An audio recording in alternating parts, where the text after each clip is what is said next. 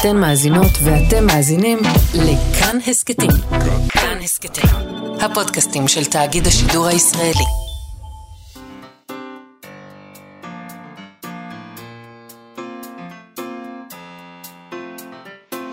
מה שכרוך עם יובל אביבי ומה יעשה לה. שלום, צהריים טובים, אנחנו מה שכרוך, מגזין הספרות היומי בכאן תרבות, מאיה סלע ויובל אביבי ב-104.9 ו-105.3 FM. אפשר למצוא אותנו גם ביישומון ובאתר של כאן, וכמובן ביישומוני ההסכתים. איתנו באולפן המפיקה שלנו, תמר בנימין, ועל הביצוע הטכני, מיכאל אולשוונג, שלום לכם ושלום יובל. שלום מאיה, אנחנו נדבר היום על שודדי ים. זה נושא מלהיב, אנחנו מדברים על שודדי ים לציון 300 שנים למותו של שודד הים רוברטס השחור. מכירה את רוברטס השחור? לא באופן אישי. שלום, שלום. אני רוצה לדעת, איך יודעים שבדיוק היום לפני 300 שנה? זה... יש מסמכים. יש מסמכים. ואולי זה מה שכתוב בהם. כן, אז... אנחנו עוד מעט, אנחנו רואים שיש מסמכים. יש מסמכים. בתקופות האלה. נכון, אנחנו יודעים את זה כי אנחנו נדבר היום על אה, שמואל פלאצ'ה. יהודי יליד מרוקו שהיה סוחר דיפלומט, וגם שודד ים, שודד ים יהודי. ספר uh, חדש uh, אודותיו ראה אור בימים אלה בהוצאת מגנס. אנחנו נדבר על הספר הזה עם עורכת הספר, פרופסור מירי אליאב פדלון מהחוג להיסטוריה באוניברסיטת תל אביב. וגם עם צור שייזף שלנו uh, נדבר uh, בפינתו uh, על מסעות בים. נכון, בשבילי איכשהו כל אנשי המסעות האלה הם שודדי ים, אני מודה, בעיקר צור שייזף אגב. הוא שודד ים? כן, הוא שודד ים, הוא כאילו מהמשפחה הזאת מבחינתי, כי מדובר באנשים נועזים שלא מפחדים מהחוקים, מהעולם, מהקורונה, אין להם, אה, אין להם איזה, שום דבר לא מגביל אותם. וזה הייתי... המהות של, ה, של הפיראטים, הוא פיראט. אני הייתי מוכן להיות נער הסיפון בספינתו של uh, הקברניט. Uh, לא, אני לא הייתי מוכנה להיות נערת סיפון בשום, בשום ספינה, אני מוכנה להיות... תחשבי לאן היית מגיעה. אני מוכנה להיות הקב, הפיראטית, אבל לא נערת סיפון. אבל אפשרויות הקידום הן בלתי מוגבלות. אני מוכנה להיות הפיראטית, הבת זוג הפיראטית, ג'ני הפיראטית. רגע, אבל מתחילים מלמעלה. מלמטה וצומחים לא. למעלה. לא, לא, לא. אתה מתחיל, אתה מתחיל מלמעלה. אולי טוב. זה ההבדל בינינו. יכול להיות. Uh, בוא נדבר רגע על שודד הים הזה, אבל רוברטס השחור, מגדולי שודדי הים בהיסטוריה, מסתבר, האיש הזה שדד 456 ספינות. שחור הזקן לעומתו שדד רק 23 ספינות. אז השבוע אנחנו מציינים 300 שנים למותו של האיש האגדי הזה, והמוות שלו מסמן את הסוף של תור הזהב של שודדי הים הקריביים. כלומר, התופעה הזאת של שודדי הים אה, ככה קצת התפוגגה אחר כך במובן הזה. אם כי לאחרונה ראיתי כתבה דווקא שלפיה אה, יש עדיין אה, שודדי ים. הם פשוט, ועשו, וראו את הדבר הזה, איך זה קורה בכל מיני חופים, אבל, אבל פשוט לא, זה לא, זה לא נשמע פתאום כזה סקסי, אולי בגלל שזה עידן כזה שבו הכל מצולם ומוקלט. וכשרואים אותנו, איך אנחנו באמת, כמעט תמיד זה לא כזה לוהט כמו שזה בדמיון שלנו. ואולי כי הם סתם נראים לנו היום כגנבים רגילים, לא משהו רומנטי כמו שודדי ים. אה, אז צריך לחשוב מה יש בדמות הזאת של שודד הים שמסעיר את הדמיון שלנו כל כך, או לפחות את שלי. אני מניחה שמשהו בחופש של האנשים האלה שחיים מחוץ לחוק מסעיר אותי. אה, תמיד מסעיר ילדים גם, אה, כשהם קוראים ספרי ילדים. זה כמו לאהוב את בילבי. למה? כי היא עושה מה שהיא רוצה, וכי אין לה הורים. וזה מסעיר אותנו כילדים, כי גם אנחנו קצת רוצים את הדבר הזה, וככה זה גם שודדי ים, הם חופשיים, והם עושים מה שהם רוצים, ואין להם הורים, ויש להם בנדנה שחורה על הראש. הם אכזריים, והם שותים רום, והם נועזים, ומה יש לא לרצות בדבר הזה, בפנטזיה הזאת. אה, אבל גם המיקום האקזוטי, לפי דעתי, של, ה, של האנשים האלה ש, שקראנו עליהם בארצות ובימים, שלפחות כשאני הייתי ילדה לא היה סיכוי שנגיע אליהם. אה, היום אני כבר נתקלת לעיתים בילדים, קרה לי שנתקלתי בילדים שהראו לי תמונות מהטיול האחרון שלהם לאיי גלפגוס. אה, אבל כשאני הייתי ילדה בשנות ה-70 של המאה ה-20 בפרובינציה, אנשים לא נסעו לגלפגוס. אה, והיום אנשים נוסעים לקריבים, כאילו, כאילו כלום, כלום. זה לא, זה לא כן, big deal. מה, עולים על מטוס. בדיוק, אז... אולי אז בגלל זה, אולי העולם לא... פשוט נעשה נורא נורא קטן, וכבר אין בו מקומות מסתוריים יותר. זאת אומרת, אין, אין, אין משהו שהוא לא ממופה. אז כאילו, מה, אתה שודד ים? בסדר, באיזה אי? בסדר, אני אגיע לאי הזה. נכון. אני אגיע, אני לא, אקח יש, יש מטוס. מקומות, לפעמים צור שייזף מדבר על כל מיני מקומות שהוא נוסע עליהם, אה, כאילו, שאתה לא- אה, בסודאן, כן. אז שאתה כאילו לא אתה רוצה אומר, להסתובב שם. לא שאתה לא רוצה, אתה מאוד רוצה, אתה מפחד, ואז לכן אני אומרת שהוא... כי ב- יש שם שהנה, יש לנו פיראטים. פיראט בתוכנית, כאילו. לא, יש שם פיראטים, הם גם נכון. נאבקים זה בזה, זה לא לא נכון. שהפיראטים כאילו כולם באיזה אחווה כזאת, ואומרים, אה, אתה פיראט, אז בסדר, שלום. לא, לא, לא, זה... הם רבים. אז שם זה נשמע כאילו זה מסוכן איכשהו. מאוד מסוכן. שודדי הים... ולא ממופה. לא ממופה בכלל. זה ממופה, אבל זה עדיין... זה עדיין... טוב, זה עדיין מסוכן, אני יודע. שודדי הים הקריביים פעלו במאה ה-17 ובמאה ה-18 ליד איי הבהמה וההיטי. הם נחשבו לאכזריים מאוד ושדדו אלפי ספינות. הם גם רצחו אלפי אנשים. הם לא היו אנשים טובים. אה, גם בספר הזה על שמואל פלאצ'ה, לא מדברים פה על איש מוסרי במיוחד. לא. הם מתייחסים לזה, תכף נדבר על זה. אה, חלק מזה שהם הסעירו את הדמיון אה, שלנו, קשור לזה שהם הסעירו את הדמיון של הסופרים וגם של התסריטאים, אה, והם בתורם הסעירו את דמיוננו. אז היה לנו את אי המטמון ואת פיטר פן, וכמובן, עכשיו סדרת סרטי שודדי הקריבים, שבעצמה מבוססת על מתקן באיזה פארק שעשועים, נכון? ש- שגם זה מן הסתם מסעיר את החושים. אתה יכול להיות פיראט במתקן שעשועים. אותי זה ממש לא מסעיר להיות פיראטית במתקן שעשועים. זה עושה בחילה. ב- לא, מתקן שעשועים זה הדבר הכי מוסדר שיש, כאילו, והכי הפוך מהדבר הזה. כן. הכי, אבל... וניסיתי לאחרונה, וזה עושה בחילה איומה, זה לא אוקיי. לגיל שלי. גם להיות פיראט זה לא לגיל שלי כבר. אבל אני כן, אה, אה, אני כן אהבתי פיראטים בתור אה, ילד, כמו שציינת, וגם לשייקספיר היו שודדי ים. בהמלט כתוב, כמעט עשינו ימים שניים בלב ים, והנה ספינת פיראטים ערוכה למלחמה רודפת אחרינו להשיגנו. ולפי שראינו, כי מהירת שיט היא ספינתה מספינתנו, על כורחנו לבשנו עוז. זה תרגום של שלונסקי. בשבילי תמיד יהיה מיכאל הנדה, עם ג'ים וכנופיית ה-13, שהיה אחד מספרי הילדים האהובים עליי. אה, אבל מכיוון שהיו אה, אה, שודדי ים יהודים, יש כמובן ספרות שלנו שבה יש שודדי ים. למשל, הדמות הזאת של השודד היהודי שמואל פלאצ'ה, שעליו נדבר עוד מעט, הסעירה את הדמיון של הכותבים הישראלים. אולי בגלל שזה נראה לנו דיסוננס כזה, נכון? שודד ים יהודי. לגמרי. היו שודדי ים יהודים, רובם פעלו אחרי גירוש נכון, ספרד. אנחנו, זה נראה כאילו, מה, בעיירה? כן, מה, הם היו, הם היו, אה, מה הם עשו? לא סתם מדובר פה על אה, יהודי ממרוקו ולא מהעיירה, כאילו... לא, מה, גם מה הם עשו? הם ישבו ולמדו כל היום עם משקפיים? לא, לא. לא, הם לא, הם היו יהודים מזן אחר. ודרך אגב, על זה בדיוק הספר הזה מדבר, הם מדברים שם על זה שאנחנו מסתכלים על כל מיני קהילות. ואנחנו אומרים, אוקיי, קהילת היהודים, מה מאפיין אותה? זה וזה וזה וזה. אבל מה לעשות שלא כל היהודים התאפיינו על ידי הפרמטרים האלה. למשל, שמואל פלאט שלא היה, לא התאים לקהילה המדומיינת של אה, יהודים כפי שאנחנו רוצים לדמיין אותה. יש, אה, דרך אגב, יש, רוב היהודים, אה, שודדי הים היהודים פעלו אחרי גירוש ספרד, אבל יש עדויות על שודדי ים יהודים כבר בעת העתיקה בתקופת החשמונאים. נכון. יוסף בן מתתיהו הוא הראשון שמזכיר אותם, את הפיראטים היהודים. בספרו מלחמות היהודים הוא כותב, הם בנו לעצמם ספינות שודדים רבות, והרבו לעשות שוד וחמס בדרך הים אשר בין סוריה ופניקיה, בין ארץ מצרים, עד אשר לא יכלה עוד אונייה להפליג בים הזה, מפחדם וממוראם. תענוג. לא יכולת לצאת לים. איזה יהודים נהדרים. כן, גם אז בעת החדשה של זה, ספרותנו מתחדשת, נסערו מהפיראטים, על אברהם פלאצ'ה אה, כתבו מספר, אברהם, שמואל, שמואל פלאצ'ה כתבו מספר כותבים. דן צלקה בספר הילדים שלו, פרחיה בין שודדי הים כתב עליו, אה, היה עליו אה, קומיקס, שודדי המפרש השחור. אה, אילן שיינפלד, זוכה פרס ברנר, כתב עליו ברומן אשת הפיראט היהודי, שראה אור בשנת 2017. אצל אילן שיינפלד, כמו בחלק מהמקורות ההיסטוריים, השם הוא שמואל פלח, או פלח, אה, פלח נקרא לו, כי זה ביטוי אה, יותר אה, יהודי נקרא לזה. ככה הוא כותב על נסיבות לידתו של האיש המסעיר הזה באשת הפיראט היהודי. חותם החירותו של אדם נתבע בו בלידתו, או שם מאוד לפניה. בהיותו ברחם אמו מתרקם מנוזלי גופה ומכמיהותיה, מפחדיה ומתקוותה. אם בר מזל הוא, אין החירותו נודעת לו כלל. הוא נהיה בעל בעמיו מבלי שידע ששונה הוא מכל אחיו. כי ידם של שרף או של שדה פגעה בו ברחם אמו, או אם הגיעו ממנה וטבעה בו את בדילותו. אבל אם זה לא פחת, או אם קשרו עליו מן השמיים חלילה, מתחולל בסמוך ללידתו איזה דבר, הנדמה שאין לו נגיעה לרך הנולד, אבל מי שהוא בעל ראייה יכול לדעת כי הילד הזה לא ילוד רגיל הוא. יש בו איזה יסוד עודף או נחסר, שחותמו כבר ניכר בו, והוא ישבש את חייו.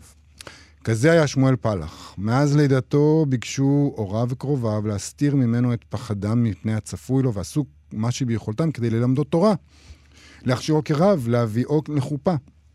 אלא שיש גזרות מידי שמיים שאין ביכולתו של אדם להסתירן או להפרן, ולמין לידתו נכרכו בשמואל סימן גדלותו ושפלות תולדותיו. בקיצור, הוא אומר, הוא אומר, זה, זה, זה מטבעו, זה הגורל נכון, שלו. נכון, זה נכון. משהו לא, הוא כמעט- מתאר את כל האופן שבו, מה, מה קרה ביום שהוא נולד נכון. בעצם. אה, נולד נימול, ו...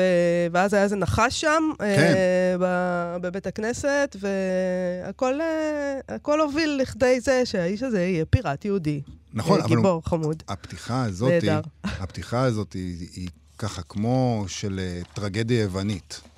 שיש לך איזה משהו שנקבע על ידי האלים מתוקף נסיבות שלא תלויות בך בכלל, ואחרי זה אתה חי את חייך, אה, מנסה להימלט מן הגורל שניתן לך, אבל בלית ברירה, בסופו של דבר אתה נהיה שודד ים. זה עדיף על פני אה, טרגדיות יווניות מסוימות, אני חושב. תשמע, פשוט מאוד, יש אלוהים. ואם יש אלוהים, אז אתה לא קובע כלום.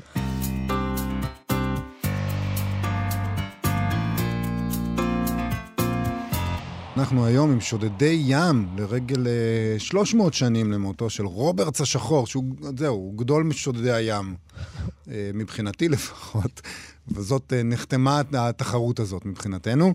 אה, ואנחנו נדבר עכשיו על שמואל פלאצ'ה, שנולד בשנת 1550 בקירוב ומת ב-1616. הוא היה יהודי, יליד מרוקו, ממוצא ספרדי, הוא היה סוחר ודיפלומט ומרגל ושודד ים. היו לו חיים מסעירים, אה, ממש. אה, הוא חי באיזה תמרון מתמיד בין השלטונות בהולנד לאלה במרוקו של הסולטן, בין המרחב הנוצרי למרחב המוסלמי, בין המדינות הפרוטסטנטיות לספרד הקתולית. את הספר שמואל פלאצ'ה, סוחר, שודד ים ודיפלומט בין מרקש לאמסטרדם, אה, כתבו שני חוקרים, מרסדס גרסיה ארנל וחרארד ויגרס. אה, מרסדס גרסיה ארנל היא מומחית לאסלאם, ספרד וצפון אפריקה, מהמועצה העליונה למחקרים מדעיים במדריד. חרארד ויגרס הוא פרופסור ללימודי דתות באוניברסיטת אמסטרדם. הספר הזה יוצא עכשיו בהוצאת מאגנס, בתרגום ההולנדית של רנה כהן. העורכת המדעית של המהדורה העברית היא פרופסור מירי אליאב פלדון מהחוג להיסטוריה באוניברסיטת תל אביב. שלום פרופסור מירי אליאב פלדון. שלום רב, בוקר טוב. בוקר אור. אה, אנחנו אה, קוראים לו פה בספר שמואל פלאצ'ה, אתם את, מסבירים בהערת הפתיחה שלכם שהתלבטתם בעניין הזה, לפעמים הם קוראים במסמכים פלח, פלאץ', פלח, על קברו כתוב פלאג'י. אולי זה חלק מהעניין הזה, שיש לו הרבה מאוד זהויות בפנים, והוא הרבה הוא לזוז ולהחליף ביניהם, נאמנויות, הוא זז בין השמות אולי גם. לא, השמות, אני חושבת, זה רק עניין של uh, כתיב. בתקופה הזאת אנשים כותבים את שמם בצורות שונות. Uh, הוא, השם פלאצ'ה זה מהמילה הספרדית פלסיו, ארמון, uh, וככה מבטאים את השם uh, יהודי הולנד. Uh, והעובדה שכתבו בפלאג'י, בגימל ועם גירש, זה כי... או בלי גרש, כי, כי הצורה הזאת של צדיק עם גרש עוד לא הייתה נהוגה בעברית. זה, השם הוא דווקא לא הבעיה. מהי- אז מהי הבעיה? מה הבעיה? לא, בוא נשאל, אבל איך נהיה האדם הזה? שאלה מאוד גדולה, יש פה ספר שלם שנכתב, ברור לי, אבל האדם הזה, שמואל פלאצ'ה, איך הוא נהיה? היהודי הזה ממרוקו, איך נהיה הדבר הזה? שהוא נהיה שודד אה. ים, ודיפלומט, וסוחר, וכל זה.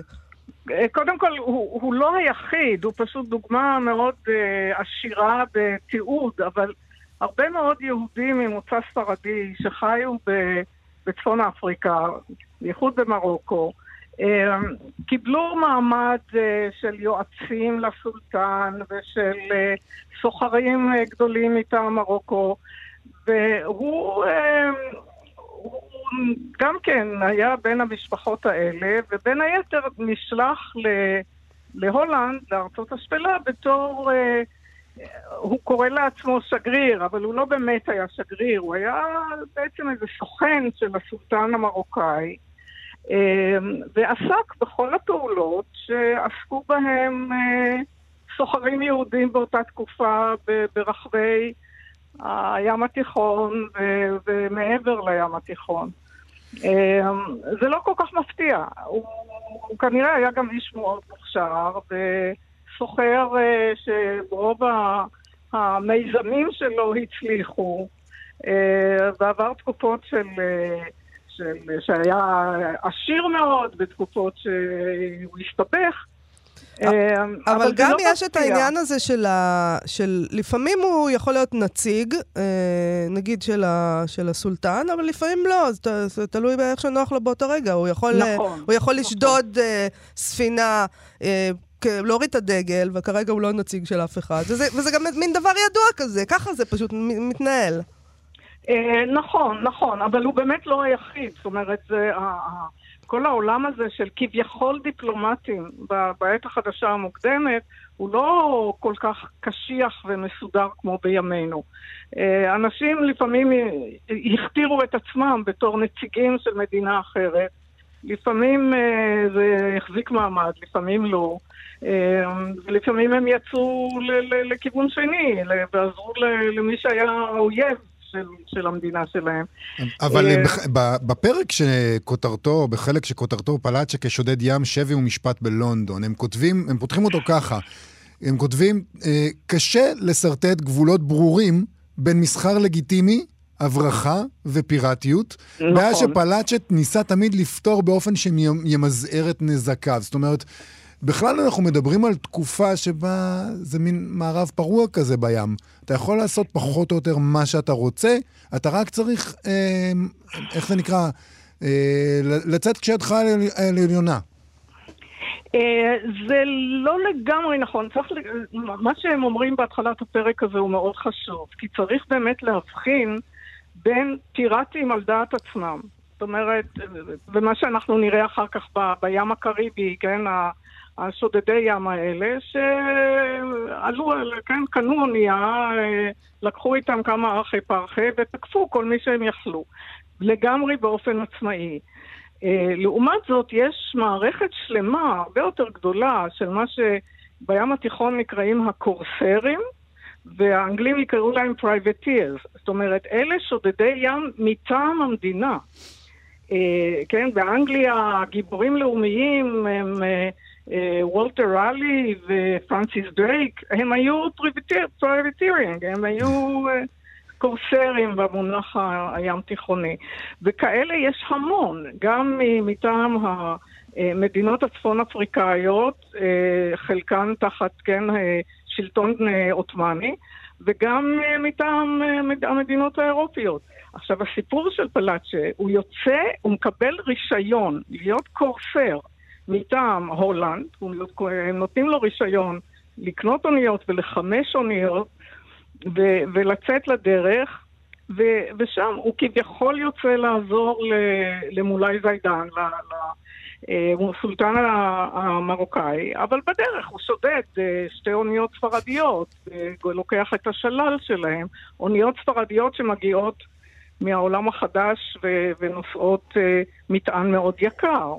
אז הוא, הוא שודד שתיים כאלה, ואחר כך בדרך חזרה הוא נקלע שלא בטובתו לאנגליה בגלל סופה בים, ואז באנגליה אוסרים אותו. אני רוצה זה... לשאול אותך, יש כן. תיאור שלו אה, שהוא מתואר כיהודי שומר מצוות, כן. מצד אחד. מצד שני, זה בן אדם שהיה מוכן גם להמיר את דתו לקתוליות. זאת אומרת, יש שם איזה גמישות. הייתה לו גמישות מסוימת. לא רק לו, שוב, זה דבר מאוד מאוד נפוץ. השבירה שלו על מצוות היא, היא מפתיעה. הוא לוקח איתו, על האונייה הזאת שבה הוא יוצא לשדוד ים, הוא לוקח איתו שוחט יהודי ש... שיכין לו אוכל כשר. כן. זה מדהים. מדהים. אומרת, כן, פירוש הדבר שיש על האונייה גם בעלי חיים חיים. זאת אומרת, כן. צריך לשחוט פרות או, או כבשים. אה, אבל מצד שני, כן, אחד הדברים המעניינים לגבי היהודים האלה בצפון אפריקה או באימפריה העות'מאנית ממוצא ספרדי, שהם ממשיכים להתגעגע לספרד. אה, המולדת שבלב היא ספרד. ועכשיו, בשביל לחזור לספרד, שגירשה את כל היהודים, הם צריכים, אה, לפחות להלכה, להמיר את דתם. והוא מוכן לעשות את זה. הוא מוכן לעשות את זה, והוא מוכן שהילדים יעשו את זה. אה, כדי שיאפשרו לו לחזור לספרד. אבל זה לא קרה. אז הוא, כן, אז הוא חי בהולנד, ששם מתגבשת לאט לאט קהילה יהודית של, של יוצאי ספרד, של, אה, ו, והוא נשאר יהודי שומר מצוות. אבל אה, כותבי הספר כל הזמן אומרים לנו, מדברים הרבה על דת בספר, אבל הם אומרים לנו, זה לא סיפור על אנשים מוסריים, זה לא סיפור על מוסר, זה לא סיפור על אנשים טובים.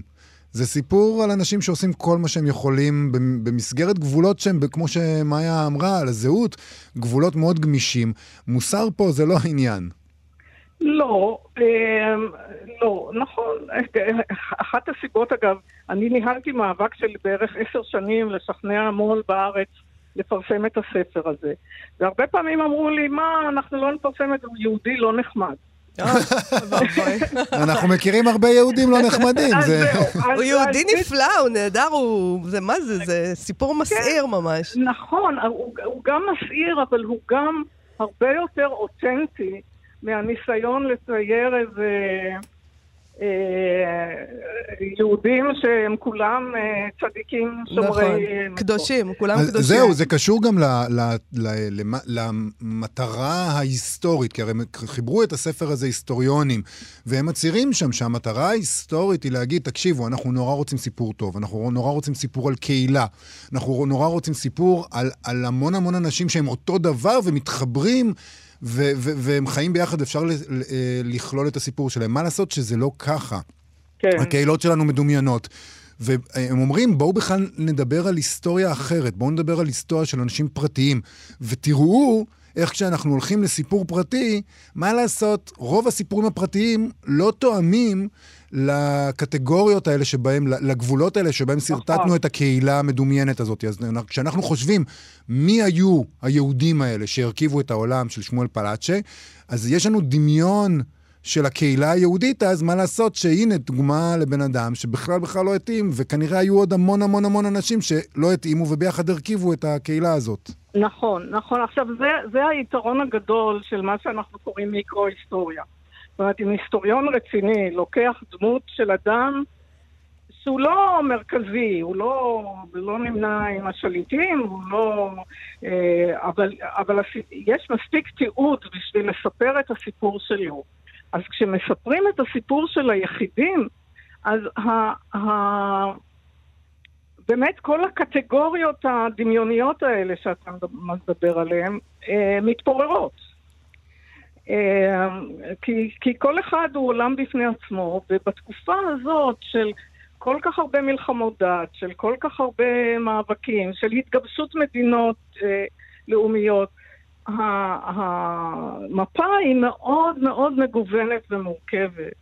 ודווקא דרך סיפורים של אנשים, נגיד, מהשורה השנייה או השלישית, אנחנו מגלים את המורכבות ומפרקים את הקהילות המדומיינות. עכשיו, במובן מסוים, זה טוב שלקח לך עשר שנים אה, לשכנע מישהו להוציא את הספר הזה, כי כן. בעצם מדובר כאן, לפי מה שאני קוראת, ב... לא יודעת לקרוא לזה מחקר נושם. זאת אומרת, הם המשיכו למצוא עוד דברים, ובעצם כן. הגרסה הזאת היא הגרסה המעודכנת ביותר, פרק שלם נוסף. בכל העולם. נוסף לה. בכל העולם, זה הגרסה, מה שאנחנו קוראים, זה הגרסה הכי מעודכנת בכל השפות. כן, כן, כן, זה, זה, זה באמת, הסיפור התחיל מזה שיצאה מהדורה ספרדית בסוף שנות ה-90, אחר כך זה התחיל להיות מתורגם. ובכל שפה הם, הם מצאו עוד מסמכים ועדכנו, ו- ואז כשאנחנו ביקשנו לתרגם, אז הם אמרו כן, אבל הגרסה שאתם צריכים לקרדם אותה היא הגרסה ההולנדית. ואז uh, באמת, uh, לשמחתי, הצלחנו לגייס את רן הכהן, שאין גדול ממנו בתרגום מהולנדית ומשפות נכון. אחרות. אז, uh, אז תרגום של המהדורה הלועזית הכי מעודכנת, ותוך כדי התרגום הם באמת לא הרפו מאיתנו, הם שלחו עוד דוקומנטים, מדהים. הם שלחו עוד... זה רק הולם את דמותו, נכון? אני מאוד אוהב את ההגדרה הזאת, מאיה, מחקר נושם. מחקר נושם. כן, וזה נכון. הולם את דמותו, הוא כל הזמן נכון. עוד משהו נוסף, עוד איזה נכון. זווית, עוד איזה נכון. קתוליות, כן. פרוטסטנטיות, אה, אסלאם, יהדות, בואו נוסיף עוד משהו. נכון, נכון, תשמעי, נכון, נכון. זה ספר uh, מסעיר, שמואל פלאצ'ה, סוחר, שודד ים ודיפלומט, יוצא עכשיו בהוצאת uh, מגנס. פרופסור מירי אליאב פלדון, תודה רבה לך על השיחה הזאת. תודה לכם. להתראות. להתראות. עכשיו, דרך הספר. מה שכרוך בכאן תרבות, מגזין הספרות היומי שלכם. חזרנו עם פינת אה, המסעות שלנו, ספרי המסעות שלנו דרך הספר, אה, ואיתנו הפיראט שלנו, צור שייזף, שלום לך. שלום וברכה. אני יכול להיות בסך הכל פיראט של רעיונות ושל כל מיני רוחות. לא, לא, לא, לא, לא, לא, לא, אתה הפיראט שלנו, אתה לא מפחד מהגבולות ומהקורונה. אתה נוסע למקומות המסוכנים. כן, כן, לא, לא. אני גנב גבולות ידוע, זה נכון, אבל אנחנו לא פה לדבר עליי, למרות שאתם יודעים, כבר... למה? זה מהנה, למה אכפת לך? אנחנו חלק מהזמן רוצים להקדיש ולדבר עליך אה, בתור הפיראט שלנו. אתה מסעיר את הדמיון שלנו. אנחנו פשוט בתוכנית תוכנית ימית אה, פיראטית היום, אבל בואי באמת נדבר על הספרים שתדבר עליהם היום. על מה אנחנו מדברים? זהו, אז מכיוון שבזבזנו כבר את מונפריד עם חשיש, שהוא היה הכי קרוב לפיראט, והפיראטים של... של סומליה, שבעשרות שנים האחרונות אה, שודדים את הספינות של כל העולם מכיוון באבל מנדה, ועדיין לא זכו לספר מסע כמו שצריך. אז אני דווקא אלך לאיש שהיה, לא יודע אם פיראט, אבל אני חושב שהוא אחד מחוקרי הימים, הזרמים והאנושות הגדולים, וזה תור היירדל, הנורבגי. שהוא אה, כבר בתור נער צעיר התחתן נישואים ראשונים והגיע לפולינזיה לבדוק שם כל מיני דברים, התאהב בעניין, ואז החליט שהוא אה, בעצם מבסס איזו תיאוריה שהוא מצא לעצמו בראש, שבעצם ההתיישבות באיי פולינזיה ולכיוון תהיטי, המרכזס, לא הגיע מכיוון אסיה, אלא הגיע מכיוון אמריקה. וזה הוא דווקא משתית על רעיון שהוא רעיון מדליק. אה, בתוך המיתוס והאפוס של האינקה, יש את הסיפור של וירקוצ'ה. וירקוצ'ה הוא האל, המלך הגדול, ולפי האגדה הוא עוזב את היבשת, הוא לבן, בדרך כלל הוא לבן בזוב שיער, והוא עוזב את היבשת הדרום אמריקאית ומפליג ממנה אה, לתוך השקיעה. להזכירכם באזור של פרו, אזור של האינקה, שם השמש שוקעת בים, לא זורחת מהים. כן. וקונטיקי, שככה כעתו היירבל קרא לספינה שלו, שב-47 יוצאת למסע, זה בעצם אותו שם, זה השם של אל השמש, שהוא טוען שבעצם ההתיישבות מגיעה משם, אף אחד לא סומך עליו, ואז הוא מגיע לאיזשהו מקום ויושב עם ראש החברה הגיאוגרפית הנורבגית, ואומר לו, אם אתה חושב שזה קרה, יאללה, נראה אותך מגיע לשם.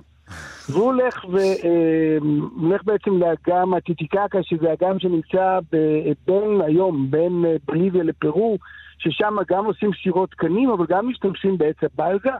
והוא עושה אה, אה, רפסודה כזאת, משפינה כזאת, ספינת מפרש מרפסודה ו, וגם מעץ הבלזה, ואז מתגלה הדבר הנפלא, שהבלזה, כשהוא יבש, הוא דבר אחד, אבל כשהוא נרטב, הוא סופג את המים, הוא הופך להיות מין עץ רך כזה, עדיין מציפה מצוינת, אבל הוא לא קורע ולא שוחק את, ה, את החבלים. והוא מצליח, הוא מצליח לעשות את המסע הזה של אלפי הקילומטרים. לא בקלות אבל, אל תראה, זה לא כזה קל. הרבה סכנות. לא, לא, זה לא כזה, כן, כן, הרבה סכנות, הרבה תקלות, הוא, יש לו מפגשים עם כרישים, יש לו איזה שלוש שערות גדולות, אבל הספינה מתגלה כדבר הזה ש, שיכול לעשות את הדרך, ומה שדי מדהים זה שהוא עובד עם הזרם. הוא מחליט שהוא עובד עם הזרמים ולא נגד עם הזרמים, וגם בלי רוחות. הם מתקדמים בעצם 80 קילומטר ליום, הם עושים את המסע ב-101 ימים. הבן שלו משחזר את המסע הזה יותר מאוחר, ואז הוא משתמש גם במין איזה הגה מוזר, שגם אינקה השתמשו בו, והוא מצליח לקצר את המסע בשליש בערך. עכשיו, מה שמעניין בדבר הזה, כמובן, זה, הוא, הוא מתפתח עם האקדמיה. האקדמיה כמובן לא מסכימה איתו, וחושבת שזה רעיונות מופרכים, ושאי אפשר לעשות את הדברים האלה, ושזה לא קרה משם, אבל אחרי זה כשעושים מזה ריצוף DNA הרבה יותר מאוחר, מגלים שבעצם יש שם שלוש קבוצות. ואחת מהקבוצות זה הקבוצה שהוא הניח שהיא עשתה את הדרך, והיא באמת קורית סביב האימפריה הזאת של האינקה, שזה בערך לפני 800 שנה. אבל בואו נתייחס לאיש גם בתור הרפתקן ובתור סופר. קודם כל לכתוב הוא ידע, והוא כתב המון. הוא כתב, חוץ מאשר את, את קונטיקי, הוא כותב את, אחרי זה הוא עושה את מסעות רע. שזה מסעות ששם הוא בונה את הרפסודות שלו, הוא, הוא אה, אה, בעצם כותב גומה הפפירוס, ושם הוא, הוא אה, אה, עושה ספינות שאיתם הוא חוצה בעצם אה, לאמריקה, ומוכיח שגם היה אפשר להגיע לאמריקה, לחצות את האטלנטי. זאת אומרת, הוא חוצה את האוקיינוס השקט, את הפסיפי, והוא חוצה גם את האטלנטי, וזה שני המסעות הכי גדולים והכי מפוארים שלו, את רע הוא עושה אפילו פעמיים. עכשיו, העניין הוא שהוא הוא, הוא שילוב של כמה דברים. קודם כל הוא הרפתקן, הוא יוצא בגיל צעיר, הוא שונא אנשים. והוא מחליט שהוא רוצה להתרחק מהם כמה שיותר, וזה חלק מהעניין הזה שהוא הולך לתרבויות האלה, תרבויות שאין להם, נקרא להם, את הגיבוי האנושי, הטכנולוגי. הוא רוצה להוכיח שבאמצעים מאוד מאוד פשוטים האדם מצליח להתפשט לכל מיני מקומות אה, אה, בכדור הארץ. הוא מגיע לאיי הפסחא, והוא משחזר שם את איך הקימו בעצם את הפסלים הגדולים דמויי האדם. הוא עושה המון דברים.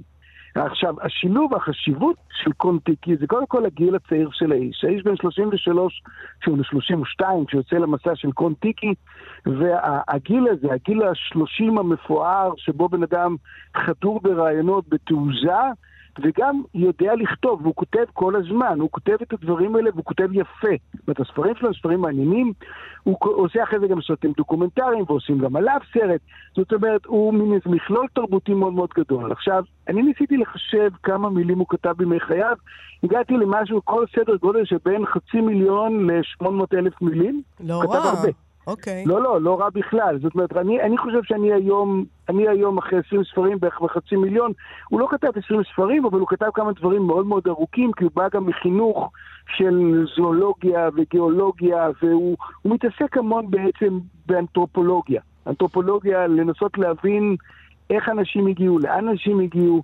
זה נורא עניין אותו הדבר הזה, והיכולת של ההתמודדות האנושית, והוא לוקח את עצמו בתור מעבדה של איש אחד שמתמודדת עם הדברים בשביל להוכיח איזה סוג של רעיון. עכשיו, בתוכנית הקודמת קצת, אה, נראה, נראה שיובל בסוף שאל אותי את מי אני מעריך יותר, את אלה שנוסעים בתוך הראש, או את אלה שנוסעים בתוך, ה... בתוך העולם ומתמודדים עם הרפתקאות. שני זנים לחלוטין שונים. תור היירדל לא היה אכפת לו, היה מוכן ללכת עד הקצה בשביל להוכיח את הרעיון שלו, להבדיל נגיד מיולי שדיברנו עליה בפעם הקודמת, שאצלה אם קרו לה דברים זה בגלל בעיות שהיו לו בתוך הראש או בעיות פוליטיות שהשפיעו לו על המוח. כן. ופה לאיש הזה יש איזו מין מחשבה גם חכמה, גם מאוד מאוד משודרת וגם פורצת דרך מהרבה כיוונים, למרות שהאקדמיה לאו דווקא הסכימה איתו. אז אני, אני חושב שהוא הוא בסך הכל סוג של, גם אם הוא לא פיראט במובן של השודד, אה, שודד ומנכס לעצמו נשים בקניין ו- ונלחם וגונב ספינות, הוא עושה פה איזשהו סוג של מעלל שבאמת מעט אנשים בהיסטוריה האנושית עשו אותה, או עשו אותה כנראה לפניו בכמה מאות שנים, אבל הוא בהחלט בא והוכיח את, ש, שנתיבי הימים, הם מכירים את הזרמים, מבינים את הרוחות, ומוכנים להתמודד ויודעים את החומר הנכון לבנות ממנו את הספינה, אפשר לעשות את הדברים. אז זה דבר אבל מאוד מעניין ההפרדה הזאת, כי האנשים מהאקדמיה מאוד מאוד רוצים להיות uh, אלה שנותנים את החותמת הזאת. ככה זה היה, אנחנו יודעים. יש את הסטמפה הזאת של האקדמיה, אבל הם לא מוכנים באמת לצאת אל הים, כי זה נורא נורא מפחיד uh, ומסוכן, ואתה עלול לשלם על זה מחיר מאוד מאוד יקר, ובעצם זו שאלה... למי אנחנו נותנים אה, לכתוב לנו את ההיסטוריה? למי שיושב בחדר ומסתמך כמובן על עדויות היסטוריות או, או, ושאר מקורות, או למי שמוכן באמת לצאת ולראות מה יכלו לעשות עם האמצעים שעמדו לרשותם? תראה, אני חושב שבסופו של דבר זה הממוצע בין השניים. כי אנשי האקדמיה הם אנשי האקדמיה. יש גם אנשי אקדמיה שכמובן יוצאים לדרך, ואנחנו נדבר באחת התוכניות הקרובות על איש שכבר דיברנו עליו, על טים סברין, שמדבר על אלף לילה ולילה ועל הספינה שלו סינבד, שיטה ומפליג, אה, עוקב אחרי הנתיבים הקדומים של דרכי המשי. אז יש מעטים שהם גם וגם. אבל גם כשזה, נגיד, נעשה את החלוקה הזאת שבין אנשי האקדמיה לאנשי השטח, אנשי השטח, היתרון הגדול שלהם, שהם הרפתקנים והם עושים איזה משהו, ואלף מחקרים בעצם לא יוכלו בעצם אה, להפיל על מעשיהם. זה יכול להיות אה, ספר כמו של יוסי גינזבורג, מסע לטוויצ'י, ששם זה הרפתקה, אבל פתאום אנחנו מבינים את הג'ונגל עם כל הדברים שקורים, את יער הגשם, כמו שזה קורה אותם. אני חושב שתור היירדל, גם בסרטים וגם בספרים, גובר בעצם, לפחות בעין הציבור, והציבור שרואה אותו ושומע אותו, על הרבה מאוד אנתרופולוגים כמו מרגרט מיד, ש, שמאוד אה, לא אהבה אותו וחשבה שהוא מפספס לחלוטין ומקשקש לשלושים גדולים, אבל היא, יש לה את המקום שלה במקום המדעי, ולא יש את המקום שלו במקום, נקרא לזה, הפופולרי. האם אתה חושב, הפופול- צור, שלהיות שונא אדם זה חלק מהתנאי של אדם לצאת למסע? כלומר, אתה רוצה, אתה צריך גם לרצות כן, כן. לברוח מה- מהציוויליזציה הזאת? כן, אני לא, אני לא חושב שההגדרה תהיה שונא אדם. אני למשל, אני לא שונא אדם, אבל אני מאוד מאוד אוהב לצאת למסעות, ואוהב לצאת למסעות לבד. ואוהב, אני גם אוהב לפגוש אנשים אחרים, בעניין הזה של, תראו, בעניין של מסע, יש אה, אה, כמה דרכים כמובן לנסוע. אתה יכול לנסוע בקבוצה, אתה יכול לנסוע בשלישייה, אתה יכול לנסוע בצמד, ואתה יכול לבד. ברגע שאתה, אפילו מצמד ומעלה, אתה בתוך קפסולה. ברגע שאתה לבד, אתה חשוף להכל. זה אני מדבר בעניין האנושי. כשאתה רוצה להתמודד עם הטבע, אתה יכול או להתמודד לבד, כמו נגיד מסנר כזה שמטפס על הימאליה, או שאתה צריך איזה צוות קטן של להוכיח איזה רעיון, כמו שעושה תור היירדל במסעות הימיים שלו. אבל בלי שום ספק, העניין הזה של להתרחק מחברת האדם, על מנת להבין את בני האדם, על מנת להבין את עצמך, וגם להבין את הטבע, הוא דבר מאוד מאוד חשוב ונחוש, וכשבן אדם גם יודע לכתוב את זה יפה, אז זה נפלא. אז אני חושב שזה שני ספרים, הם קודם תורגמו לעברית, שניהם. ישן, אבל הם תורגמו לעברית, גם השוט קונטיקי וגם השוט רע תורגמו לעברית לפני בטח 30 או 40 שנה, וזה שני ספרים שקל לקרוא אותם, נעים לראות אותם, ויש אפילו תמונות למי שחייב אה, תמונות תוך כדי המסע. צור שזף, אה, דרך הספר, הפיר... הכי פיראט במה שכרוך, תודה רבה. לחיי המסעות שבדרך, צור. תודה רבה. להתראות. להתראות.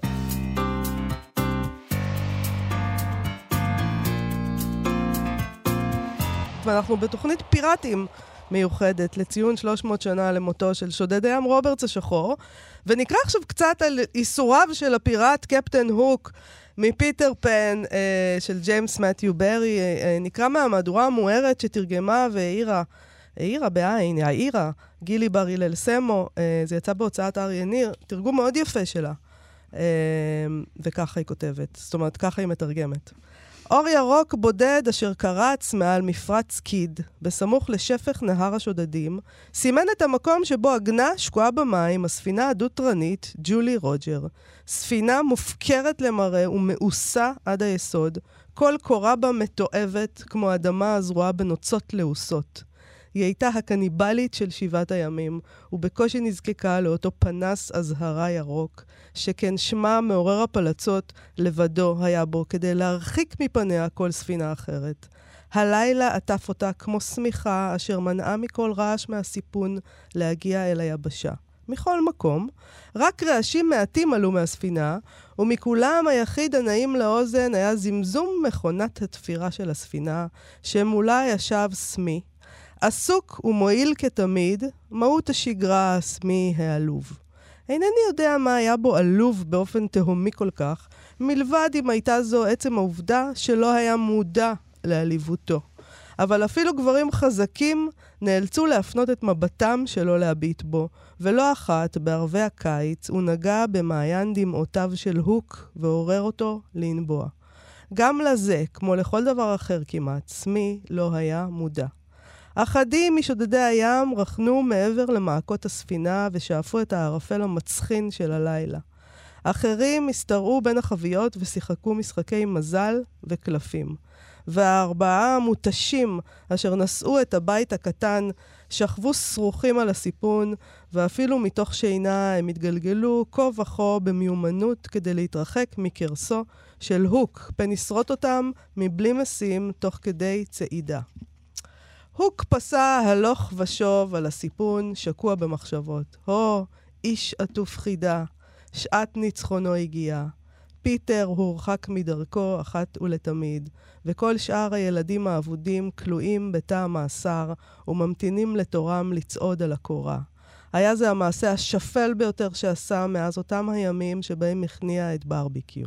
ומכיוון שאנו יודעים איזה היכל של גאווה הוא האיש, האם מפתיע שכעת פסע הלוך ושוב, בצעד לא יציב, נפוח כולו מרוח, הצלח, מרוח הצלחתו. אלא שלא הייתה שום התעלות בקצב פסיעותיו, אשר שיקפו דווקא הלך רוח קודר. הוק היה מדוכא עמוקות. לעתים קרובות חש כך כשפסע לבדו על הסיפון בשעות הלילה הקטנות. זה קרה כי היה כה בודד. האיש החידתי הזה מעולם לא חש בודד יותר מאשר כשהיה בחברת כלביו. הם היו נחותים ממנו חברתית. הוק לא היה שמו האמיתי. אילו חשפנו את זהותו, המדינה כולה הייתה כמרקחה, אפילו בימינו אנו, אבל כפי שמי שמיטיב לקרוא בין השורות כבר ניחש, הוא למד בבית ספר פרטי מפורסם, והמסורות של בית הספר נותרו תלויות עליו כמו בגד, ואכן עסקו רובן בביגוד. עד עצם היום הזה לא נאה בעיניו לעלות לסיפון של ספינה, כשהוא לבוש באותה חליפה שבה תקף אותה, ובהליכתו הוא עדיין מקפיד לפסוע ברישול האצילי המאפיין את בוגרי בית ספרו. אך מעל הכל הוא ממשיך לקדש את הג'נטלמניות. ג'נטלמניות, כל כמה שהושחתה נפשו, הוא לעולם לא שכח שהג'נטלמניות היא כל מה שמשנה באמת. בסוף הוק הוא פשוט אה, אדם שהוא מ, אה, למד בבית ספר פרטי, אה, והוא מין ג'נטלמן אנגלי כזה. כן? שאולי קיבל, קיבל את הרישיון שלו מה, מה, מהמדינה, כמו שאנחנו בדיוק, אה, בדיוק. אה, לומדים והוא על בודד, ההיסטוריה. והוא מדוכא. וגם, הדמות. שלו לא מסעירה, של הוק. דיברנו על, על כל מיני שודדי ים מסעירים. זה לא המקרה, אין אף אחד, אולי בעצם כן יש לא, זה ילדים תלוי שמזדהים... בעניין אה, של... אה, זה, זה תלוי בזווית של אה, איך שכתבו את זה. בוודאי. כמובן שאנחנו רוצים אנחנו רוצים שפיטר ינצח. אז תחשוב פתאום- על ה- עליו עכשיו, פתאום, על האיש כן, איש הבודד הזה. בודד שגדל בבית ספר פרטי ועכשיו מסתובב לבדו עם כל מיני שודדי ים עלובים שמוציאים דמעות ממנו. טוב, עם הדימוי הזה אנחנו uh, צריכים לסיים. נגיד תודה לתמר בנימין ולמיכאל אולשוונג שעשו איתנו את התוכנית הזו. בואו לבקר בעמוד הפייסבוק שלנו וגם בעמוד הפייסבוק של כאן תרבות. אנחנו נהיה פה שוב, מחר. להתראות. להתראות.